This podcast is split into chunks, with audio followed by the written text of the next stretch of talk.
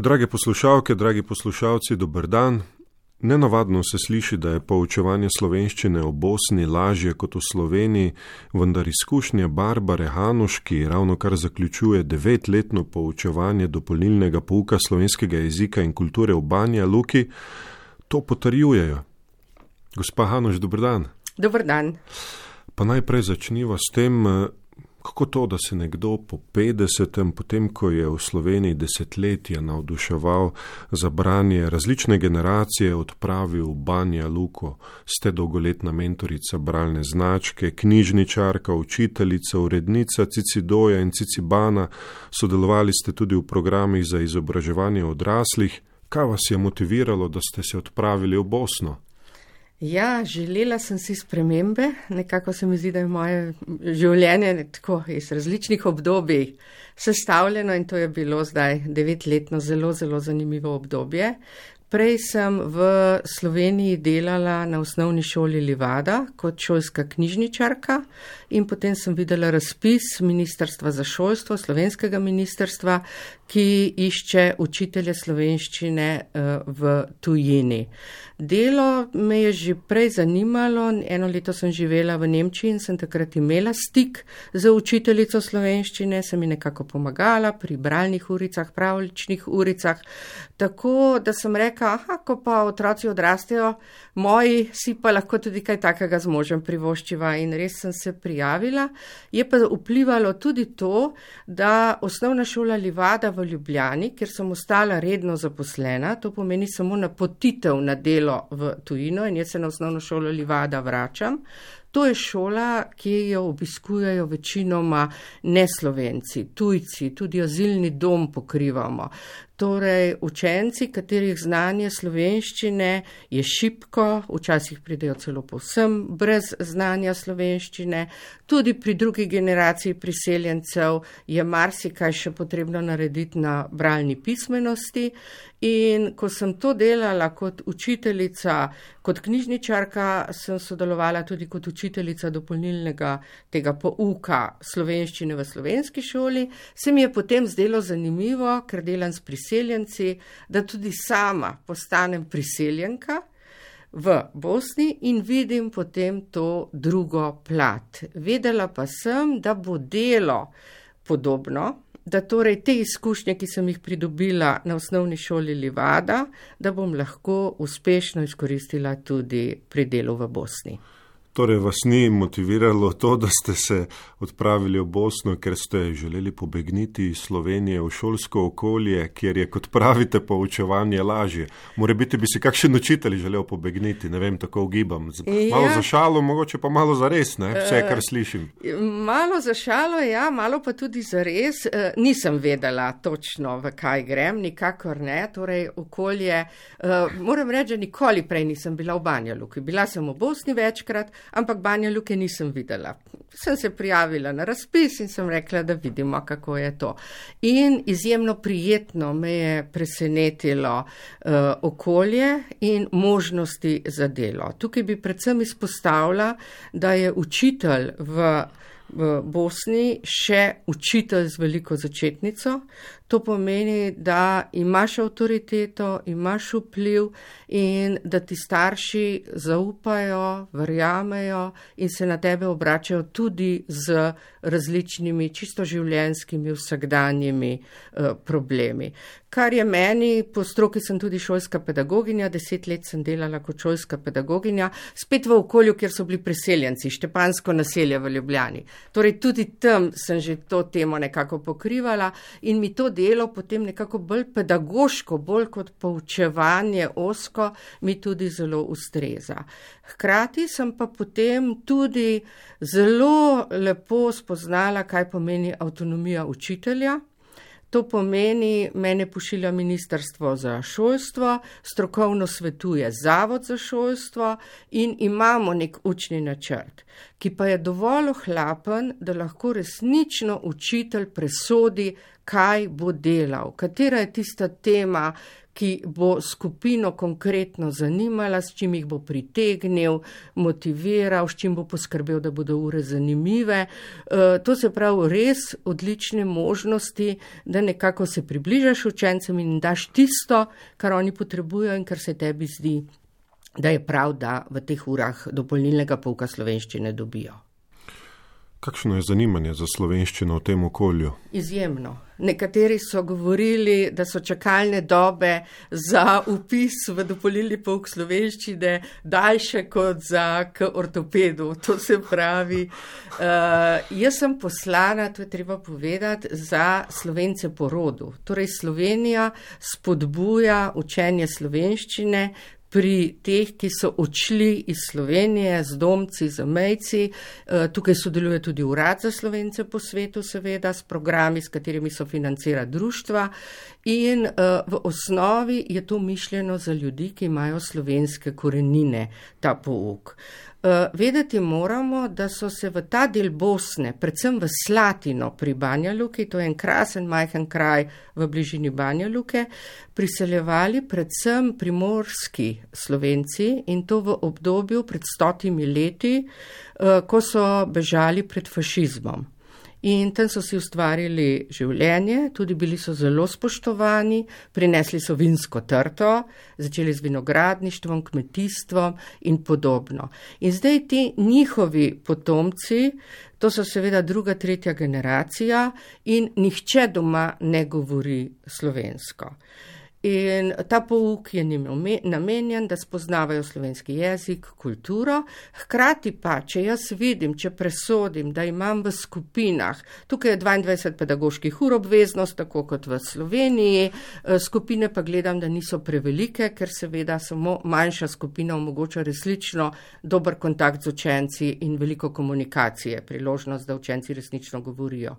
Torej, če pa niso prevelike skupine, da presodim, seveda jaz upisujem lahko tudi druge, dopolnim nekako skupino in tukaj je zanimanje recimo med tistimi gimnazici v Banja Luki z odličnimi ocenami, z veliko željo, da bi prišli v Slovenijo študirati, tukaj je zanimanje. Potem so tu seveda zdravniki, v Sloveniji potrebujemo uh, zdravnike in tudi iz Banja Luke se odločajo in se poskušajo že predtem, preden napišejo prošnjo za delo tu, eh, nekaj naučiti, in pa seveda vsi ti, zaradi katerih sem tam, to se pravi in otroci in odrasli potomci slovencev. Torej so motivi predvsem pragmatične narave. Ja. Predvidevam ja. pa, da je za njih slovenščina vendarle tudi zahteven jezik.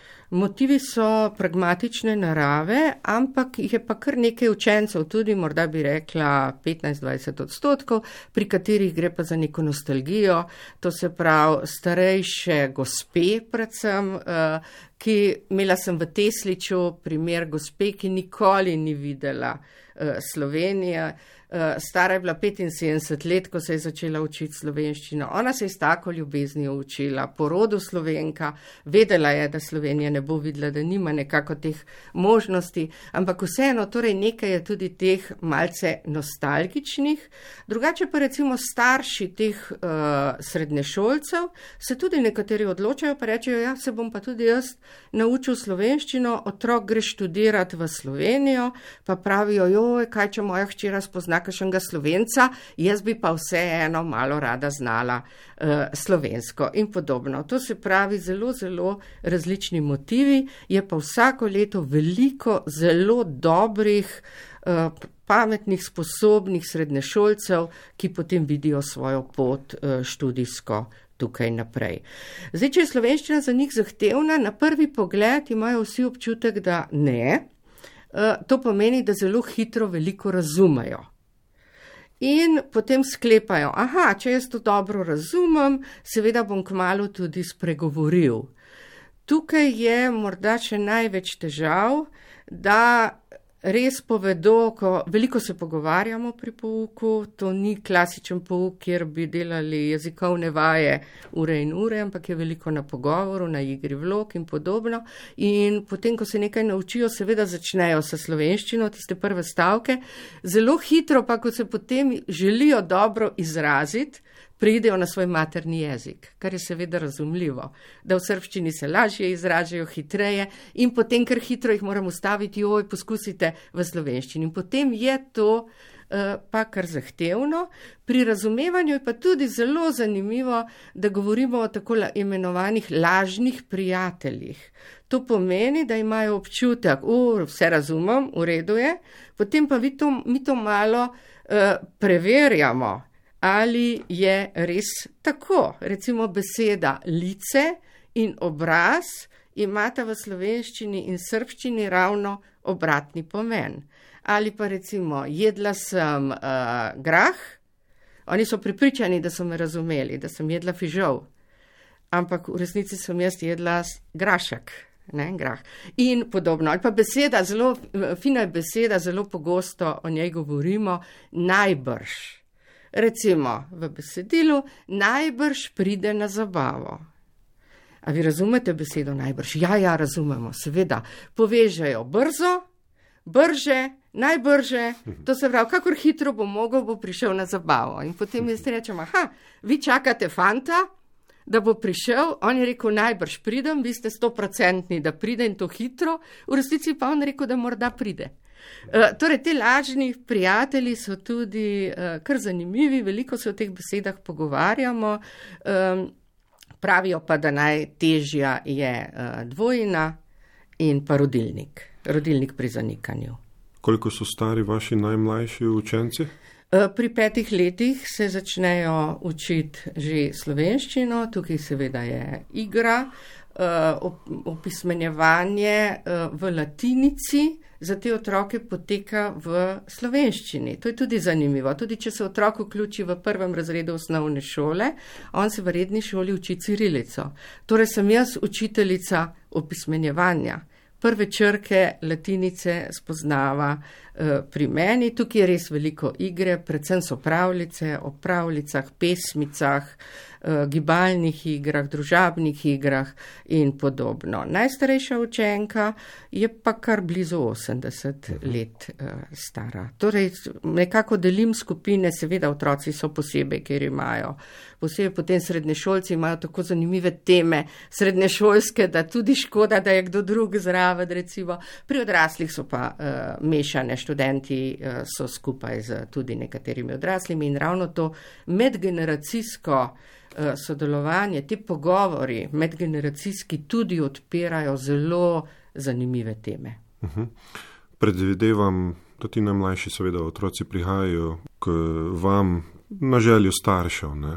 Kako motivirani so ti otroci za učenje slovenščine? Lahko razumem motivacijo starejših. Uh mhm. -huh. Kako pa si razlagate motivacijo teh najmlajših petletnikov za slovenščino? E, to seveda ni pouk, da bi uro in, pol, uro in pol je vsako srečanje, torej dve šolski uri, kar je za petletnika kar veliko. Na teden. E, na teden, tako. Eno srečanje na teden, dve šolski uri in če bi to bilo zdaj sedenje in ne vem, barvanje pol ure in, podo, in poslušanje pol ure zdržama, bi seveda e, tukaj bi motivacijo izgubili.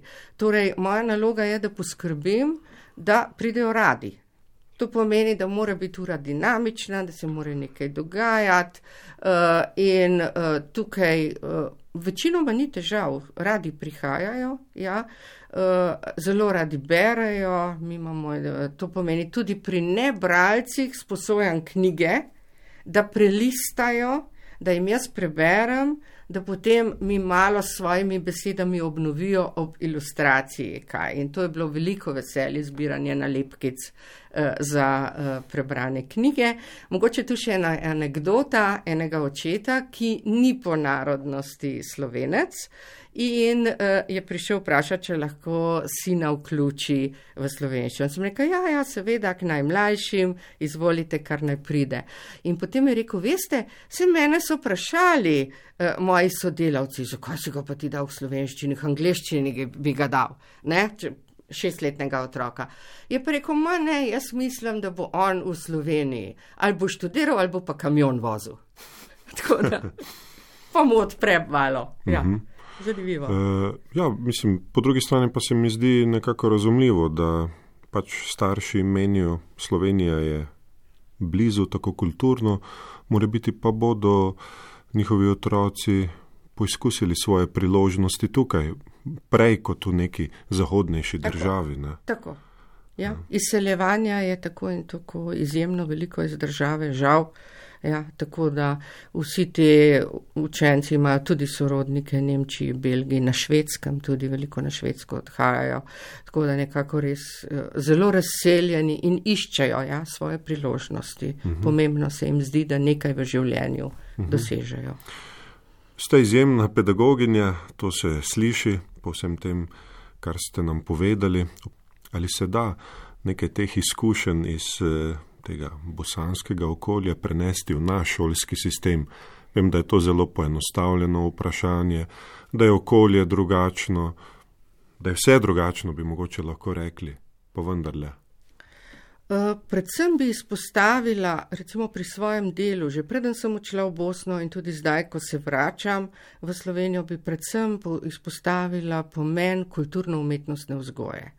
Ravno danes, ko se pogovarjava o Cankarjevem domu Kulturni bazar, kjer se predstavlja kulturno-umetnostna vzgoja, meni se zdi to izjemna prireditev uh, in tukaj mislim, da bi mnogo več lahko naredili učitelji, če bi se zavedali pomena vloge kulture in umetnosti. Tako kot sem rekla, da pouk uh, slovenščine v Bosni ni reševanje nekih jezikovnih vaj, uro in pol, ampak je tu vse temeli pravzaprav na kulturi, na umetnosti, na kulturni dediščini, na zgodovini, geografiji. Uh, in tukaj mislim, da bi mnogo več povezovanja pri šolskem sistemu bili, bilo potrebnega, to se pravi ne vsak predmet gledati posamezno, ampak pogledati temo in videti, kako bi obdelal biolog, kako zgodovinar, kako geograf, tukaj pa vključiti dober film, dobro radijsko oddajo, uh, dobro knjigo, zgodbo.